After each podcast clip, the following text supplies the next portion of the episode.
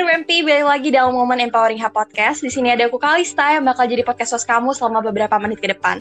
Tapi sebelum kita ngomongin tema hari ini, jangan lupa untuk follow akun Instagram, YouTube, TikTok, maupun Twitter dari WMP ya. Karena WMP bakal banyak ngasih informasi bermanfaat dan seru juga buat kamu nih. Karena girls, pengembangan kualitas diri bisa kamu mulai dari WMP. Kali ini aku gak bakal sendiri, aku ditemenin sama Kak Maybe, seorang perempuan yang inspiring banget dan tentunya punya kehidupan yang aku bisa bilang successful ya. Sehingga kita bisa denger dan kenal nih mengenai tema kita kali ini yaitu rintangan wanita sosiopreneur. Bisa kita sapa dulu kali ya. Halo Kak Maybe, gimana kabarnya nih? Halo semua. Ya puji Tuhan sehat, semoga semua yang mendengar juga sehat. Mbaknya juga sehat iya, ya. Bener banget, Alhamdulillah aku sehat. Gimana nih, uh, sibuk apa nih di masa pandemi seperti ini Kak Maybe? Uh, kalau kita mah kalau corona gini nggak ada kerjaan sebenarnya mbak nyari-nyari kerjaan gitu. Cuman ya um, tantangan tersendiri ketika pandemi seperti ini bagaimana kita tetap keep survive dengan uh, sumber daya yang ada di sekitaran kita kayak gitu mbak. Salah satunya ya kalau berbicara soal sosiopreneur berarti uh, sosial atau lingkungan kita sekitar. Jadi kebetulan saya sumber daya yang ada di NTT yaitu daun kelor. Oke, okay, daun kelor. Dan sejujurnya nih kayak aku juga sebenarnya masih asing dengan kata sosiopreneur. Kayak aku tuh bingung apa sih gitu. Mungkin menurut WMP juga ada yang sama kayak aku. Nah sebenarnya nih kak, kalau menurut Mbak Maybe sendiri atau Kak Maybe sendiri, sosiopreneur itu apa sih? Uh, sosiopreneur itu berasal dari dua kata yaitu sosial dan entrepreneur. Jadi kalau berbicara soal entrepreneur berarti uh, pelaku ya di sini bersifat pelaku. Kemudian sosial berarti bicara soal masyarakat lingkungan pokoknya ling, uh, lingkungan sekitar kayak gitu. Jadi ketika dikombin berarti suatu usaha yang tidak hanya berfokus kepada subjek kepada uh, pelaku usahanya saja tapi lebih kepada lingkungan sekitar. Baik itu uh, masyarakatnya ataupun uh, sumber daya alamnya seperti itu. Jadi uh, tidak hanya berfokus kepada benefitnya, keuntungannya, goalsnya itu tidak justru tidak kepada si pelaku usahanya, tapi lebih kepada dampak yang diberikan uh, kepada masyarakat sekitar, lingkungan sekitar, seperti itu. Uh, ketika berbicara soal sosiopreneur, bedanya itu di model bisnisnya, kayak gitu. Jadi kalau entrepreneur itu model bisnisnya ya ujung-ujungnya kembali ke uh, si pelaku usahanya itu. Tapi kalau berbicara soal sosiopreneur, dia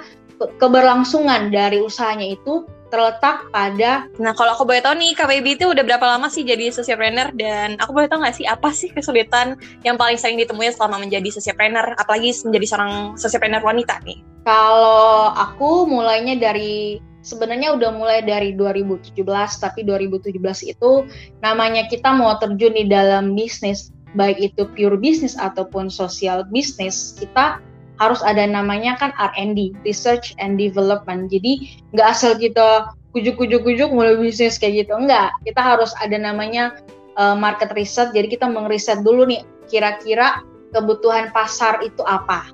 Nah, dengan kehadirannya kita itu menjadi jawaban dari kebutuhan pasar itu. Itu yang dinamakan riset eh, market. Nah, berdasarkan dari uh, riset market itu itu menjadi indikator kita memulai suatu usaha gitu. Jadi tahun, tahun 2017 itu aku masih dalam tahap R&D atau market eh, research, kemudian research, kemudian mulailah tahun 2018 aku mulai usaha sosial ini dengan brand Timor Moringa. Nah, tantangannya sendiri jelas sudah kelihatan ya. Kan kalau kita pure uh, entrepreneur, kita pure usaha dengan kita uh, sosio sosiopreneur berarti kita melibatkan banyak sekali pihak ya terutama dalam sosiopreneur ini.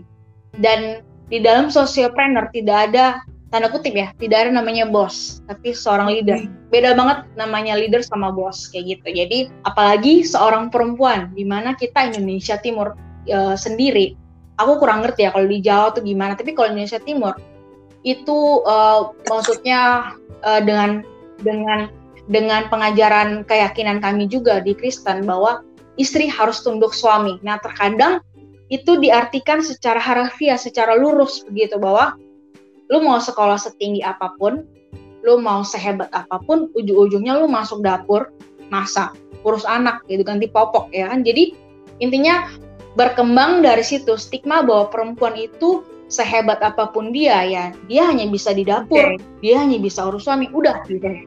Kayak gitu. Jadi um, tantangannya tersendiri adalah bahwa belum ada kesetaraan uh, gender secara umum ya. Maksudnya masih dipandang sebelah mata ketika pemimpinnya leadernya itu adalah perempuan.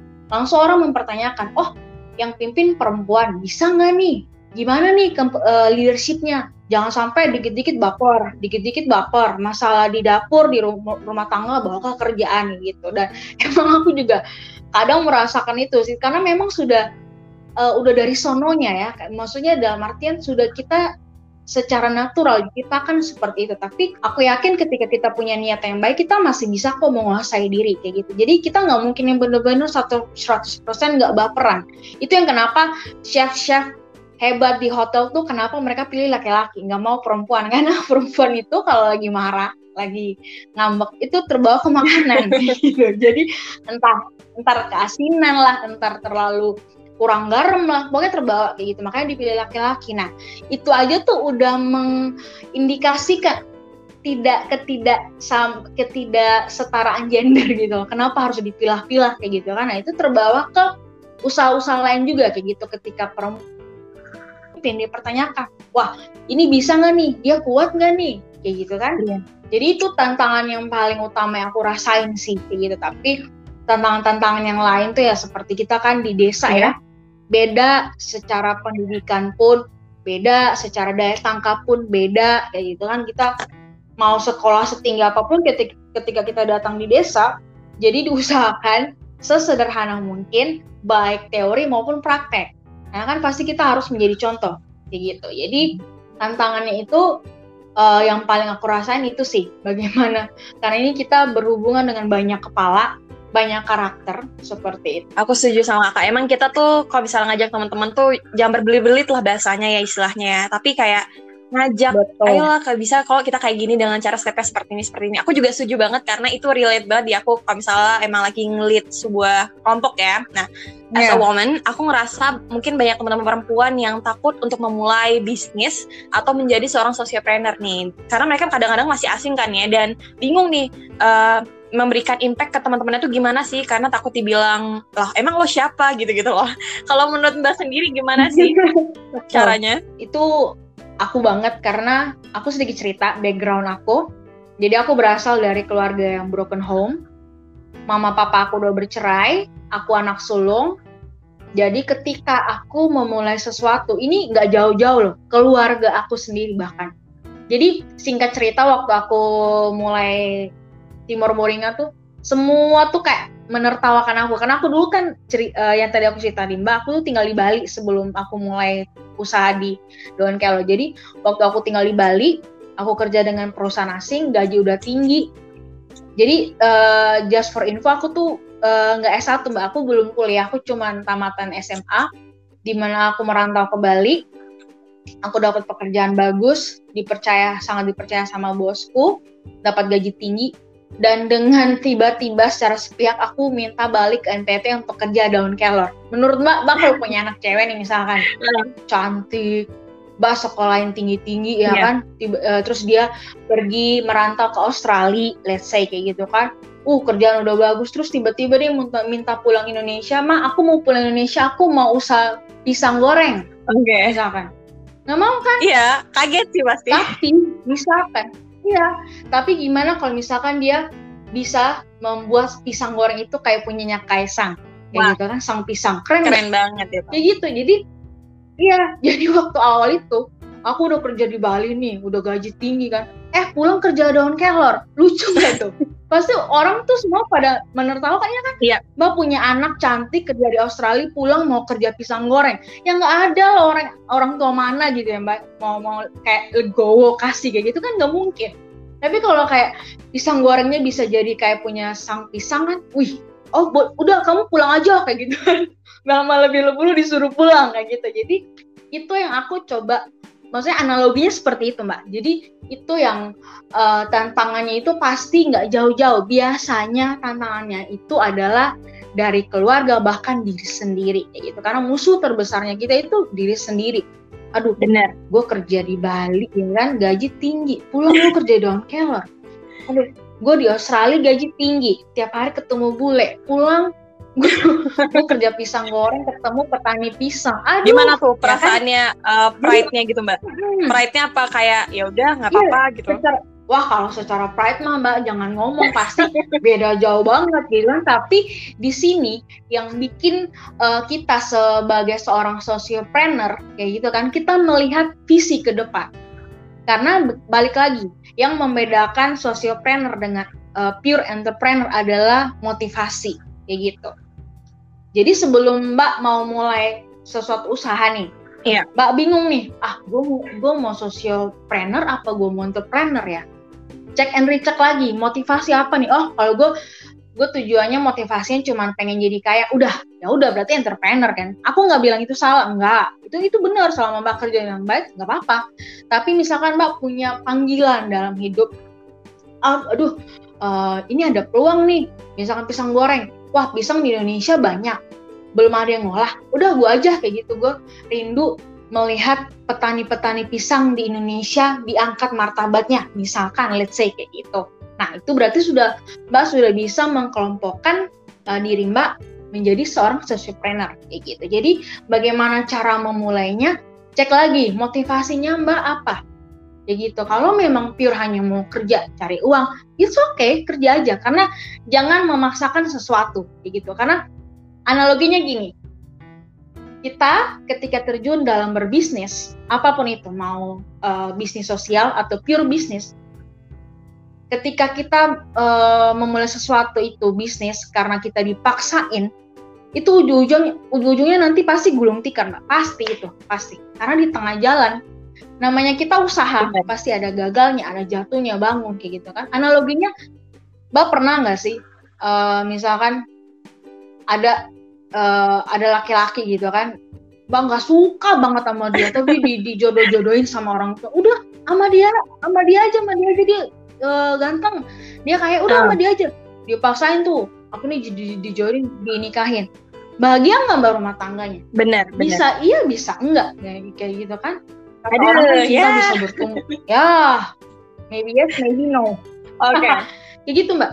Jadi analoginya bisnis itu ibarat kita menentukan pasangan hidup kita kayak gitu karena um, kalau pasangan hidup kan ya seumur hidup gitu kan bisnis ya kalau kita emang mau dia dalam jangka panjang ya pasti seumur hidup kita maunya sih se, uh, sepanjang kita hidup kita meng mengelola bisnis itu kan ya sama kayak gitu jadi kalau sesuatu terlalu dipaks dipaksakan ujung-ujungnya ya nggak bahagia, nggak sejahtera, nggak enak gitu lah pokoknya. Karena apalagi kita merintis usaha, pasti di tengah jalan tuh pasti mbak, pasti banget. Kayak aku sekarang aja sudah sampai di titik ini masih ada aja masalah kayak gitu. Tapi yang bikin aku kuat, aku bangkit lagi, motivasi. Waktu aku udah aku nangis-nangis, aku sedih, aku inget lagi, flashback lagi, oh iya motivasi gue adalah melihat petani-petani uh, sejahtera, melihat uh, usaha aku ini bisa memberikan dampak yang baik kepada orang-orang sekitar, lingkungan sekitar, aku langsung bangkit lagi, aku langsung semangat lagi kayak gitu. Jadi uh, bagaimana memulai sociopreneur ini atau mungkin entrepreneur yeah. kayak gitu kan cek and recheck lagi Bener, aku juga setuju sama kakak apa ya kalau misalnya sesuatu yang dipaksakan dan bisnis itu juga sebenarnya nggak main-main ya maksudnya boleh kita mencoba tapi harus tahu mau Betul. dibawa ke mana nggak bisa nih kayak misalnya cuma pengen sebulan langsung sukses gitu nggak bisa kan kayak ya kebanyakan tuh teman-teman tuh kayak emang pengen jadi entrepreneur yang kayak tiba-tiba karena ngelihat teman-temannya yang udah kaya gara-gara punya bisnis sendiri, uh pengen yeah, gitu. Yeah. Nah, kalau yeah. misalnya ditanya nih kak, kalau yeah. misalnya kakak kan ini emang sociopreneur ya, apa sih yang menjadi tujuannya? Apa karena famousnya atau karena impactnya? Kan tadi kalau sosio itu kan emang ke impactnya ya.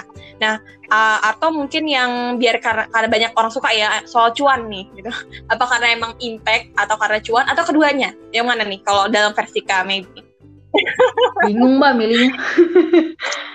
kalau aku sih motivasi awal kalau untuk pure uang sih enggak mbak. Kalau pure oh, uang bener. sih mending aku di Bali ya ungkang bukan ungkang kaki sih. Kalau di Bali mah lihat gue lihat tiap hari kayak gitu kan.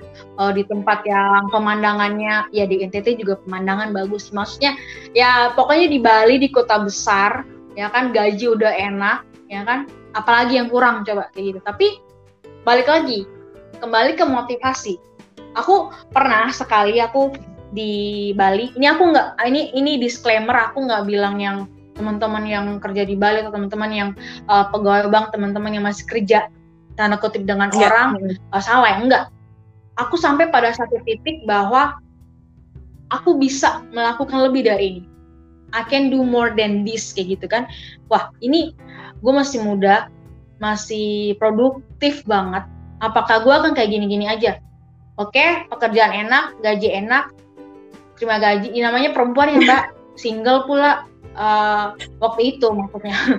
Dapat gaji tinggi ya paling ujung-ujungnya habis terima transferan ke mall shopping beli tas yang namanya cewek mbak modelnya sama walaupun warnanya beda Bener. masih dibeli lagi kayak gitu kan. Sepatu yang modelnya sama beda warna dibeli lagi. Pulang tidur besok kerja terima gaji shopping lagi. Aku bilang apakah di jauh di dalam hati aku tuh kayak kosong kayak gitu. Nggak ada sesuatu yang eh gitu kayak uh, kayak puas gitu loh mbak. Akhirnya aku singkat cerita dalam ajaran aku tuh aku berdoa berpuasa aku bergumul. Dalam ajaran aku aku berdoa ke Tuhan aku bilang Tuhan Tuhan yang kasih aku hidup ini apakah hidup aku Tuhan kasih hanya untuk terima gaji shopping terus pulang? Bener, Tuhan kan nggak mungkin ya. Ini sekali lagi disclaimer aku nggak bilang aku nggak bilang teman-teman terima gaji shopping salah enggak ya. Tapi ini buat aku pribadi aku kembali lagi ke panggilan aku aku bilang Tuhan gue bisa lebih dari ini Tuhan pasti gue bisa. Kayaknya singkat cerita uh, aku pulang ke NTT itu pakai ada drama mbak. Aku naik pesawat dalam pertama kali dalam hidup aku tuh aku nangis mbak. Nangis sejadi-jadi karena aduh ini gue ibarat kayak tadi udah sekolah di Australia kan gaji tinggi pulang urus pisang goreng. Ya iyalah nangis bener, gitu bener, cara manusia kerja di Bali gaji enak pulang urus daun kelor siapa bener, yang bener. gak sedih gitu kan. Pulang nah waktu pulang itu uh, waktu waktu pulang itu aku masih belum jelas waktu itu. Intinya pulang aja gitu karena aku udah bosan tanda kutip dengan rutinitas aku seperti itu setiap bulan. Ya udah akhirnya uh, berangkat dari situ aku mulai uh, kembali lagi dalam ajaran aku karena aku memang dari kecil dididik untuk yang nggak religius religius banget yang gimana. Tapi apa apa itu berdoa tanya Tuhan ini gimana kayak gitu. Sehingga cerita aku dapat visi untuk memulai down calorie itu kayak gitu mbak. Jadi uh, motivasi sih uh, kalau mau uang sih enggak mbak. Kalau uang sih mending stay tetap stay di Bali. Lebih enak sebenarnya. Walaupun secara uang sekarang lebih tinggi ketimbang dulu aku kerja di Bali. Tapi dulu kan untuk aku sampai titik ini wih berapa waktu tenaga udah aku kuras aku uh, investasikan kayak gitu kan. Jadi untuk motivasi sih lebih kepada aku nggak mau sia-siain hidup aku hanya untuk sesuatu yang menurut aku aku bisa lebih Bener. dari aku juga setuju kayak kita kalau misalnya udah ngelakuin sesuatu ya kadang-kadang masih mempertanyakan masa kita cuma sampai segini aja sih? gitu loh. Masih panjang ya, gitu jalannya pengen deh buat impact ke orang lain gitu. Nah kalau misalnya kak maybe nih ngenilai impact yang udah hmm. dihasilkan atau dampak yang dia udah dihasilkan dari diri sendiri itu gimana? Apa kayak udah ngajak temen kerja atau gimana tuh sejauh ini puji Tuhan alhamdulillah aku puas. Intinya kan rasa cukup dan rasa bersyukur itu kan uh, relatif ya Mbak. Ada yang mungkin dia pasang standar cukup itu kalau di angka 10 ada yang mungkin cuma di angka 5 dia udah bersyukur dia udah cukup gitu. Kalau buat aku sih sejauh ini puji Tuhan alhamdulillah aku udah udah bisa membantu. Terutama kan ini kan sosiopreneur ya bagaimana berdampak buat khususnya petani kayak gitu ada beberapa petani yang aku coba um, kita diskusi, aku tanya Pak, gimana sih apa sih yang Pak rasakan sepanjang bermitra dengan kami? Dia bilang ya bersyukur karena daun kelor yang dulu kami buang-buang, kami berpikir bahwa ini tidak ada nilai ekonomisnya sama sekali kayak gitu. Tapi ya uh, ketika dengan hadirnya saya dan tim, kami hadir ternyata ini bisa menghasilkan sesuatu yang bahkan di luar dari ekspektasi yeah. mereka kayak gitu kan bahkan bisa membantu untuk memenuhi kebutuhan rumah tangga mereka, bisa membantu bayar uang sekolah SPP anak mereka dengan hanya dari daun kelor beberapa ikat seperti itu dan itu kebanggaan tersendiri sih buat buat kami, buat saya pribadi ya karena itu yang tadi saya bilang bahwa kalau motivasi saya uang mending saya tinggal di Bali kayak gitu kan Mbak. Tapi kembali lagi motivasi saya adalah melihat senyuman-senyuman para petani di mana mereka ternyata mereka merasa bahwa alam sekitar mereka itu ternyata yang mampu uh, menyediakan sesuatu yang di luar dari ekspektasi mereka kayak gitu. Sesuatu yang mereka rasa dulu aduh ini sesuatu yang nggak ada nilai sebenarnya Mbak. Kalau daun kelor di di Jawa saya kurang kan stigmanya negatif ya kalau daun kelor di Jawa. Kalau di NTT itu makanan buat orang menengah ke bawah. Jadi kalau kalau bahasa Kupangnya gini, kalau susun ada doi lai baru wow. makan daun marungga kayak gitu. Kalau di Kupang itu Kupang itu bahasa lokalnya okay. marungga. Dia berasal dari moringa gitu. Tapi bahasa Indonesia daun kelor. Jadi bahasa bahasa Indonesia gini, kalau sudah tidak ada uang lagi, baru kami makan daun kelor. Karena kan dia tumbuh liar, berlimpah.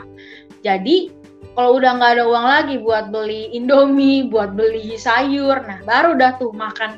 Kan tumbuh banyak mbak, banyak banyak tumbuh liar. Jadi tinggal dipetik, dilorot, dibersihkan, dibikin jadi sup, udah, udah jadi lauk udah jadi sayur, makan sama nasi, kayak gitu. Jadi stigmanya Bener. sudah seperti itu daun kelor ini nggak ada nilai aku merasa kak maybe ini gitu. keren Jadi, banget sih kayak buat hmm. impact ke teman-temannya ke lingkungannya dan apa ya aku kalau misalnya dibayangin di posisi Kak Maybe itu kayaknya uh, ragu sama diriku sendiri. Tapi Kak Maybe ini bener-bener percaya dengan ini loh aku bisa ngelakuin sesuatu yang lebih gitu. Nah kalau misalnya aku boleh tanya hmm, gimana? Sempat mbak. Sempat ragu gimana juga. ragu sempat ragu sempat ragu. Secara manusia secara secara anak muda ya mbak. Ya kayak gitu tadi.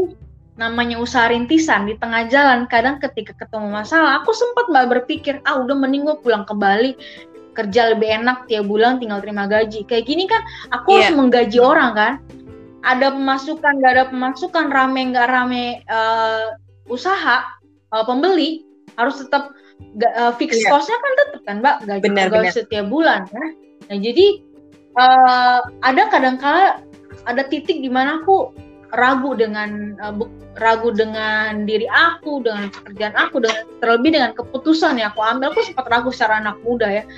Lihat teman-teman udah stabil, udah kerja enak di luaran sana kayak gitu kan. Aku yang masih berkelut dengan petani setiap hari, belum dengan karakter mereka yang keras kayak gitu kan. Jadi sempat aku pernah ragu, tapi itu kembali aku bilang motivasi, motivasi dan motivasi Benar. gitu. Aku setuju banget. Nah, kalau misalnya ditanya nih kak, sebenarnya buat jadi socialpreneur tuh harus punya skill apa sih gitu? Uh, yang pertama harus ada niat, kayak gitu. Zaman sekarang sih kalau mau bilang, oh, gue mau usaha ini modalnya harus 100 juta, kayak gitu. Oh, kalau gue usaha ini harus modalnya hmm, 200 juta cukup lah, kayak gitu. Oke, okay. uh, mungkin mbak bisa tunggu sampai 10 tahun lagi baru mulai ya kan kapan tempo gitu kan 200 juta benar-benar gitu. apalagi di zaman corona seperti di zaman corona di uh, pandemik seperti ini sesuatu tuh bisa jadi bener, duit bener. kayak gitu kan? Jadi tergantung dari dari kita gimana mau lihat peluang di sekitar gitu. Jadi kalau uh, saya mau bilang modal awal kita menjadi seorang sosiopreneur atau entre, uh, entrepreneur itu modal awalnya tuh niat dulu kayak gitu. Karena ada tuh dulu dulu uh, ilmuwan fisika tuh siapa sih namanya tuh? Ah pokoknya itu lah kayak gitu. Dia pokoknya dia ya. punya buku dia dia buat itu buku namanya Oke, tuh Mestatung singkatan singkatan dari semesta okay. mendukung jadi ibarat ketika kita punya hasrat, kita punya passion yang benar-benar menggebu-gebu dalam diri kita. Ibarat kita tuh seperti magnet yang apa sih aduh aku nggak ngerti fisika nggak lulus so. Oke, okay, ngerti maksudnya. Kita seperti magnet yang bisa menarik segala sesuatu tuh di Bener. sekitaran kita. Ketika kita punya sesuatu yang positif, kita akan menarik menarik energi-energi yang positif datang ke kita. Benar, seperti aku itu. banget if there's a will, there's a way gitu kan. Ketika ada niat, pasti ada jalan. Gitu. Jadi uh, mestaku, semesta, semesta mendukung. Oke. Okay. Mungkin buat kayaknya temen atau uh, Wonder WMP ini udah mengerti lah setidaknya mengenai apa itu socialpreneur dan juga kita udah belajar banyak banget mengenai uh, dari Kak Maybe ya menjelaskan bagaimana dia awal mulanya dan bagaimana prosesnya. Nah kalau misalnya ditanya nih Kak, ada nggak sih Kak tips untuk membangun visi misinya biar ya stabil, biar kayak socialpreneurnya tuh membuat memberikan dampak ke sosial gitu. Kalau dari aku pribadi, secara pengalaman sih kita namanya berusaha apalagi di tengah-tengah dunia yang semakin tidak pasti ini pasti tidak stabil okay. mbak jadi intinya bahwa usaha boleh nggak stabil tapi kitanya yang harus stabil artinya apa mau kita down mau mau ketika kita ada masalah mau ketika kita waktu kita ada di puncak kayak gitu kan kita harus tetap stabil karena uh, orang pepatah tuh sering bilang begini sesuatu yang pahit uh, jangan cepat dibuang. Tapi sesuatu yang manis jangan cepat terlalu jangan terlalu cepat ditelan juga. Jadi ketika kita senang jangan terlalu senang akhirnya lupa diri. Ketika kita uh, di bawah jangan terlalu bersedih akhirnya kita nggak mau uh, move on lagi. Seperti itulah contohnya. Jadi ketika ada ada shifting, ada pergantian sesuatu pasti agak sedikit goncang yeah. gitu kan kayak gitu. Jadi hmm, jangan usaha kita boleh nggak stabil ya ada ups and down kitanya jangan sampai yang nggak stabil kita labil ya kan ibarat kayak masih labil yang nggak jelas tiba-tiba ah entah pelin pelan lah istilahnya kayak gitu. Kitanya harus tetap stabil kayak gitu. Jadi kalau dari aku sih siapkan dirimu bahwa namanya usaha pasti kita akan bisa dibilang kata kasarnya kita pasti akan ada titik gimana kita titik ter kita akan mengalami yang namanya titik terendah di dalam hidup kita terutama dalam dunia bisnis. Entah itu kita gagal kita jatuh kita salah manage ya kan hampir bangkrut tapi ketika kita mau membuka diri kita mengevaluasi diri karena kestabilannya kita kita mau membuka diri akhirnya bangkit lagi usaha kita kayak gitu. Jadi saya mau bilang bahwa harus mempersiapkan diri sedini mungkin bahwa sudah tahu bahwa ke depan jalan saya pasti semakin berat kayak yeah. gitu kan? Tapi tidak membuat kita semakin terjatuh banget kayak gitu. Jadi kita hanya harus tetap menguasai diri menjaga diri. Apalagi kita kita perempuan udah memang dari sononya uh, baperan masalah di lain kita bawa ke lain nah kitanya harus tetap uh, uh, steady gitu kita harus tetap stabil benar benar aku juga setuju. Pasti setiap, bisnis tuh uh, orang-orang tuh mungkin ngiranya kayak aduh pengennya mulus terus gitu ya pengennya terus ada cuan gitu hmm. kali ya. Tapi sebenarnya banyak naik turunnya. Oke deh kak Maybe terima kasih banyak udah mau sharing-sharing sama Wonder Wempy sama-sama. Mengenai semoga bener, tetap bener, semangat. Bener. Mengenai apa itu socialpreneur. Buat Wonder WMP, buat aku ini udah jadi alternatif solusi buat kamu yang kayak masih bingung, pengen ngapain sih sekarang, pengen berguna tapi nggak tahu nih bagaimana caranya gitu. Dan itu aja pembahasan mengenai rintangan socialpreneur wanita dari Kamebi. Jujur aku benar-benar belajar banyak ilmu-ilmu yang baru dan tahu nih kalau misalnya kita bisa loh memberikan impact ke banyak orang asal kita mau belajar mengenai hal tersebut. Aku harap banget dari podcast aku sama Kamebi ini bakal bawa perspektif yang baru buat Wonder WMP yang mendengarkan. BTW Kak Maybe boleh dong kasih pesan untuk Wonder WMP yang ingin memulai tapi masih bingung dari mana? Closing statement dari aku sih kayak uh, tadi uh, yang seperti sudah aku bilang sebenarnya cuman aku lebih mengbold lagi bahwa jangan tunggu bisa j- uh, jangan tunggu saya aduh saya belum mampu aduh saya belum bisa kayak gitu. Uh, saya mengutip salah satu tagline salah satu marketplace yang pasti sudah tahu dia mengusung hashtag mulai aja dulu gitu. Teman-teman mungkin tahu lah marketplace warna hijau itu si hijau. Jadi dia mengusung uh, pernah waktu itu dia mengusung pas program apa saya lupa. Tapi dia bikin hashtag mulai aja dulu gitu. Jadi mereka buat ik satu iklan ada ibu-ibu yang nggak bisa masak. Uh, masuk ini angus masuk ini keasinan akhirnya dia banting uh, uh, apa penggorengannya kayak gitu kan. Dia marah kayak gitu kan. Tapi tiba-tiba ada sesuatu gitu dan akhirnya dia mulai untuk uh, apa masak uh, keasinan nggak apa-apa kayak gitu kan. Akhirnya sering waktunya masakannya udah nggak asin kayak gitu kan. Akhirnya dia pelan-lahan warungnya mulai laku kayak gitu. Jadi itu aku pikir sesuatu yang uh, bagus ya untuk kita uh, kita ambil kita uh, untuk menjadi apa ya self remindernya kita untuk apa pun masalah apa pun rintangan-tantangan yang kita hadapi saat ini ketika kita punya niat untuk mulai ya mulai aja dulu gitu loh nggak usah. Kadang terlalu banyak berpikir ter, namanya perempuan ya terlalu banyak perhitungan. Aduh ini harganya 100 ribu diskon 20 persen gue beli nggak ya? Terlalu banyak perhitungan akhirnya orang di sebelah keburu ambil gitu kan? Analoginya seperti itu. Jadi pesan saya tuh uh, bukan berarti kita nggak nggak nggak berpikir nggak hitung-hitungan enggak gitu. Tapi uh, kata kasarnya jangan terlalu yang perfeksionis banget akhirnya nggak jalan-jalan malah stuck di tempat kayak gitu. Jadi mulai aja dulu dengan sumber daya yang ada karena ketika motivasi kita baik ketika kita mempunyai energi yang positif energi yang baik semesta akan mendukung kita untuk menarik eh, energi-energi positif yang sama yang kayak kita punya untuk uh, membantu membukakan kita jalan-jalannya kita untuk kita bisa sukses suatu saat nanti seperti itu. Dan aku setuju banget itu insight yang masuk banget ke aku ya. Oke deh, aku Calista podcast host kamu. Jangan lupa untuk tetap follow akun sosial media WMP dan tungguin episode terbaru dari podcast WMP ya. Karena girls mengembangkan kualitas sendiri bisa kamu mulai dari WMP. Terima kasih Kak Maybe. Sama-sama.